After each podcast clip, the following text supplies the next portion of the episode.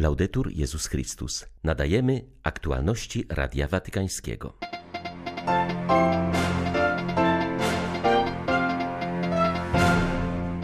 Papież Franciszek przyjął dziś delegację buddystów z Tajlandii. Przybyli oni do Rzymu, by wziąć udział w konferencji na temat przyjaźni buddyjsko-chrześcijańskiej zorganizowanej przez papieski Uniwersytet Urbanianum. Komisja Episkopatów Wspólnoty Unii Europejskiej wezwała państwa członkowskie do wznowienia wysiłków na rzecz przywrócenia pokoju na Ukrainie i przyznania jej statusu kraju kandydującego. Arcybiskup Światosław Szewczuk kontynuuje swoją podróż do miast leżących w strefie przyfrontowej. Dziś odwiedził Połtawę, gdzie spotkał się z wiernymi z miejscowej parafii i w ich towarzystwie nagrał swoje codzienne przesłanie. 17 czerwca witają Państwa ksiądz Krzysztof Ołtakowski i Łukasz Sośniak. Zapraszamy na serwis informacyjny. Zadaniem buddystów i chrześcijan jest prowadzenie wiernych do żywego zrozumienia prawdy, że wszyscy jesteśmy braćmi i siostrami, powiedział papież podczas spotkania z delegacją buddystów z Tajlandii, w której znalazło się 33 mnichów, 60 buddystów świeckich oraz kilku przedstawicieli tajskiego kościoła katolickiego. Celem wizyty delegacji buddyjskiej w Watykanie jest upamiętnienie 50. rocznicy historycznego spotkania 17 najwyższego buddyjskiego patriarchy Tajlandii z papieżem Pawłem VI. Franciszek zaznaczył, że w ciągu tych lat byliśmy świadkami stałego rozwoju, przyjaznego dialogu i ścisłej współpracy między dwiema tradycjami religijnymi. W czasach, gdy rodzina ludzka i nasza planeta stoją w obliczu wielu zagrożeń, przyjazny dialog i ścisła współpraca są jeszcze bardziej potrzebne.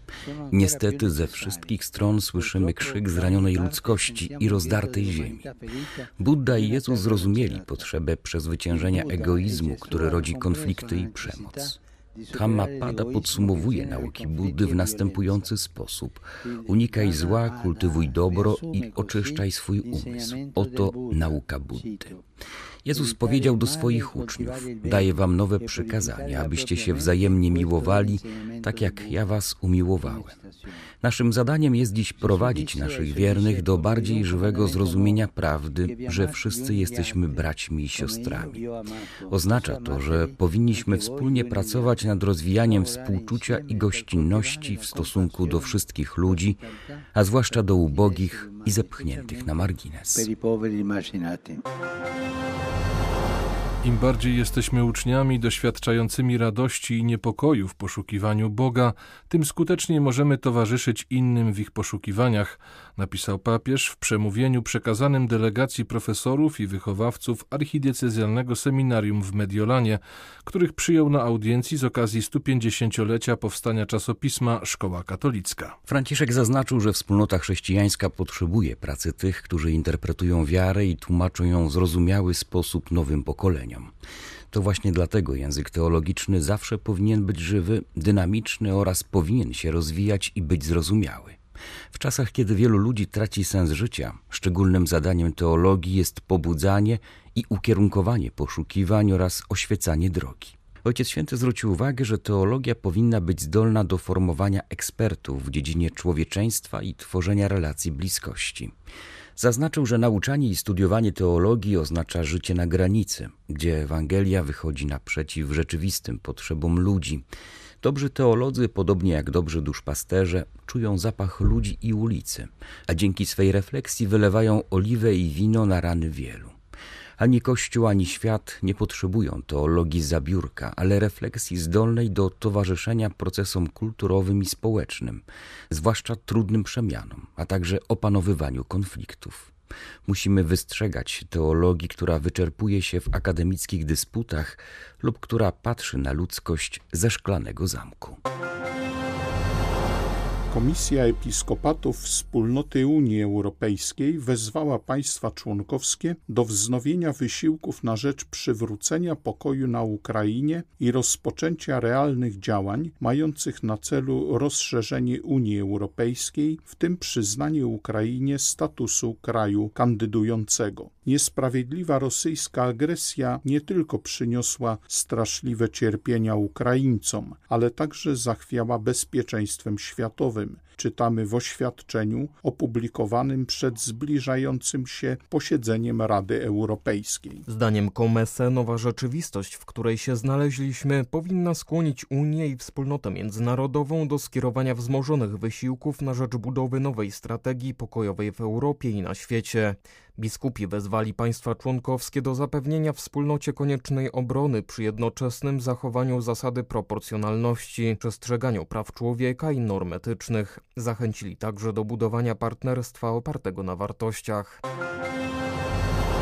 Siewierdonieck kolejną dobę pozostaje najważniejszą areną wojennych zmagań pomiędzy atakującą armią rosyjską a broniącymi swojej ojczyzny oddziałami ukraińskimi. Przejęcie nad nim kontroli umożliwiłoby Rosjanom opanowanie całego obwodu i okrążenie znacznie większego terytorium na wschodzie kraju. W tych decydujących dla przyszłości Ukrainy dniach arcybiskup Światosław Szewczuk odwiedza kolejne wspólnoty grecko-katolickie znajdujące się na granicy strefy przyfrontowej, modli się z ich mieszkańcami i dodaje otuchy walczącym. Zwierzchnik ukraińskich grekokatolików odwiedził jak dotąd Charków i Sumy, gdzie podczas jego wizyty doszło do ataku rakietowego. Dziś wraz ze swoimi współpracownikami arcybiskup Szewczuk dotarł do Połtawy, gdzie w otoczeniu otoczeniu wiernych i duchowieństwa zarejestrował swoje codzienne przesłanie. Wczoraj w Charkowie byliśmy świadkami wielkich wojennych zniszczeń. Miejscowa ludność opowiadała o maltretowaniu i nieludzkich torturach, jakie stosują Rosjanie na okupowanych terenach obwodu charkowskiego. Znajduje się tam wielki obóz filtracyjny, w którym przebywa ponad tysiąc osób. Warunkami przypomina obóz koncentracyjny, którego celem jest doprowadzenie do śmierci więźniów. Widzieliśmy zniszczone budynki i zrujnowaną miejską infrastrukturę. Podobnie było w Sumach, gdzie modliliśmy się w zbombardowanej kaplicy. Z kolei dziś rano Rosjanie zaatakowali rakietami Mikołajów. Zginęli ludzie i zniszczone zostały kolejne budynki. Ale Ukraina trwa, broni się i nie daje się wrogowi. Wiarę w zwycięstwo można zobaczyć w oczach tych dzieci, które stoją obok mnie. One i ich rodzice modlą się i pracują, aby nadszedł jak najszybciej dzień naszego zwycięstwa. Dziś chciałbym zatrzymać się nad darem Ducha Świętego, którym jest męstwo. Pozwala ono człowiekowi wykorzystać siły, które posiada, aby postawić przed sobą dobry cel i wytrwale do niego dążyć. Męstwo pokonuje nasze lęki.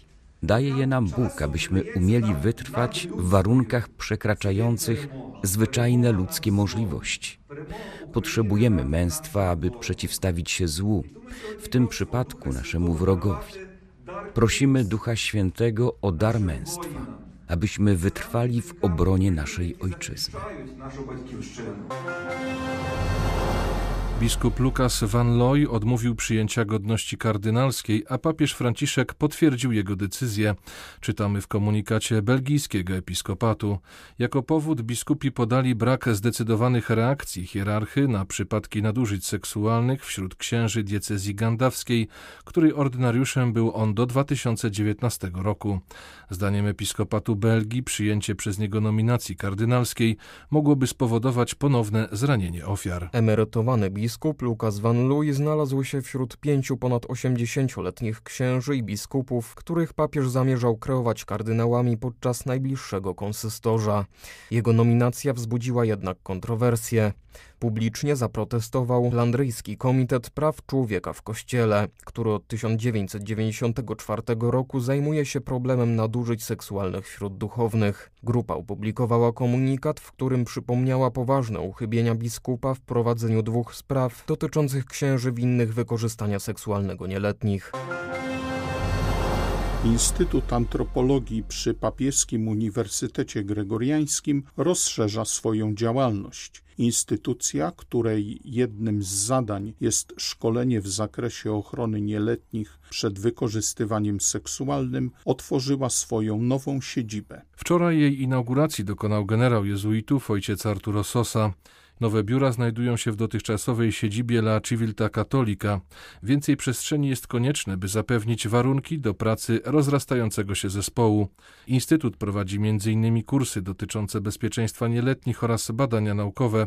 Jak zaznaczył ksiądz Hans Zollner, dyrektor Instytutu, nowe przestrzenie będą służyły polepszaniu działań w ramach podjętej misji. Chcemy kontynuować, a na pewno także udoskonalić nasze programy dla osób, które przyjeżdżają do Rzymu z całego świata, aby uzyskać dyplom z zakresu bezpieczeństwa. Wszystko stale rozwijamy, także dlatego, że w Kościele nie ustaje publiczna dyskusja na temat nadużyć. Chcemy także zintensyfikować i pogłębić nasze prace badawcze oraz mocniej zaznaczyć swoją obecność w sferze akademickiej poprzez publikacje i badania własne oraz prowadzone we współpracy z innymi uczelniami, z którymi od lat utrzymujemy kontakty. W najbliższych miesiącach rozpoczniemy nowe projekty i cieszymy się, że udało nam się uzyskać wsparcie różnych fundacji.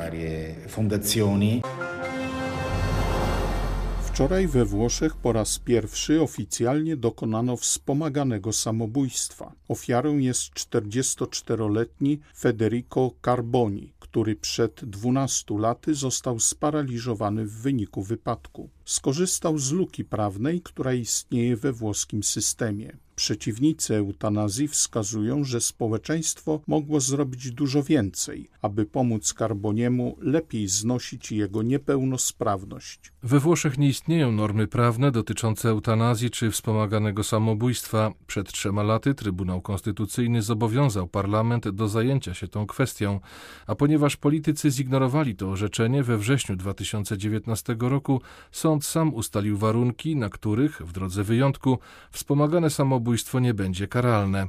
Jak mówi profesor Laura Palazzini z Papieskiej Akademii Życia, Carboni odwołał się do tego orzeczenia, ale w istocie jego przypadek nie spełnia warunków ustalonych przez Trybunał.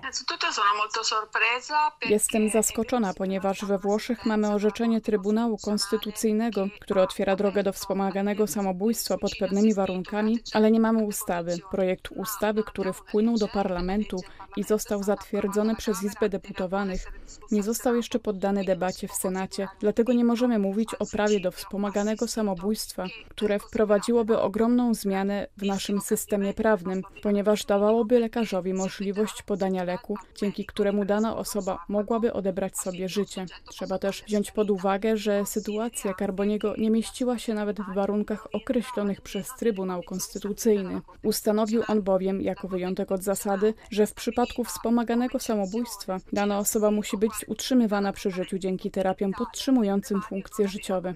W tym wypadku nie było takich terapii, dlatego jestem zaskoczona tym, co się stało i to w sytuacji, gdy nadal nie mamy we Włoszech odpowiednich przepisów. Trudności, z którymi zmagają się chrześcijanie w Ziemi Świętej, skłaniają ich do zacieśnienia współpracy. Jutro już po raz drugi odbędzie się w Jerozolimie spotkanie wspólnot zakonnych działających w ojczyźnie Jezusa.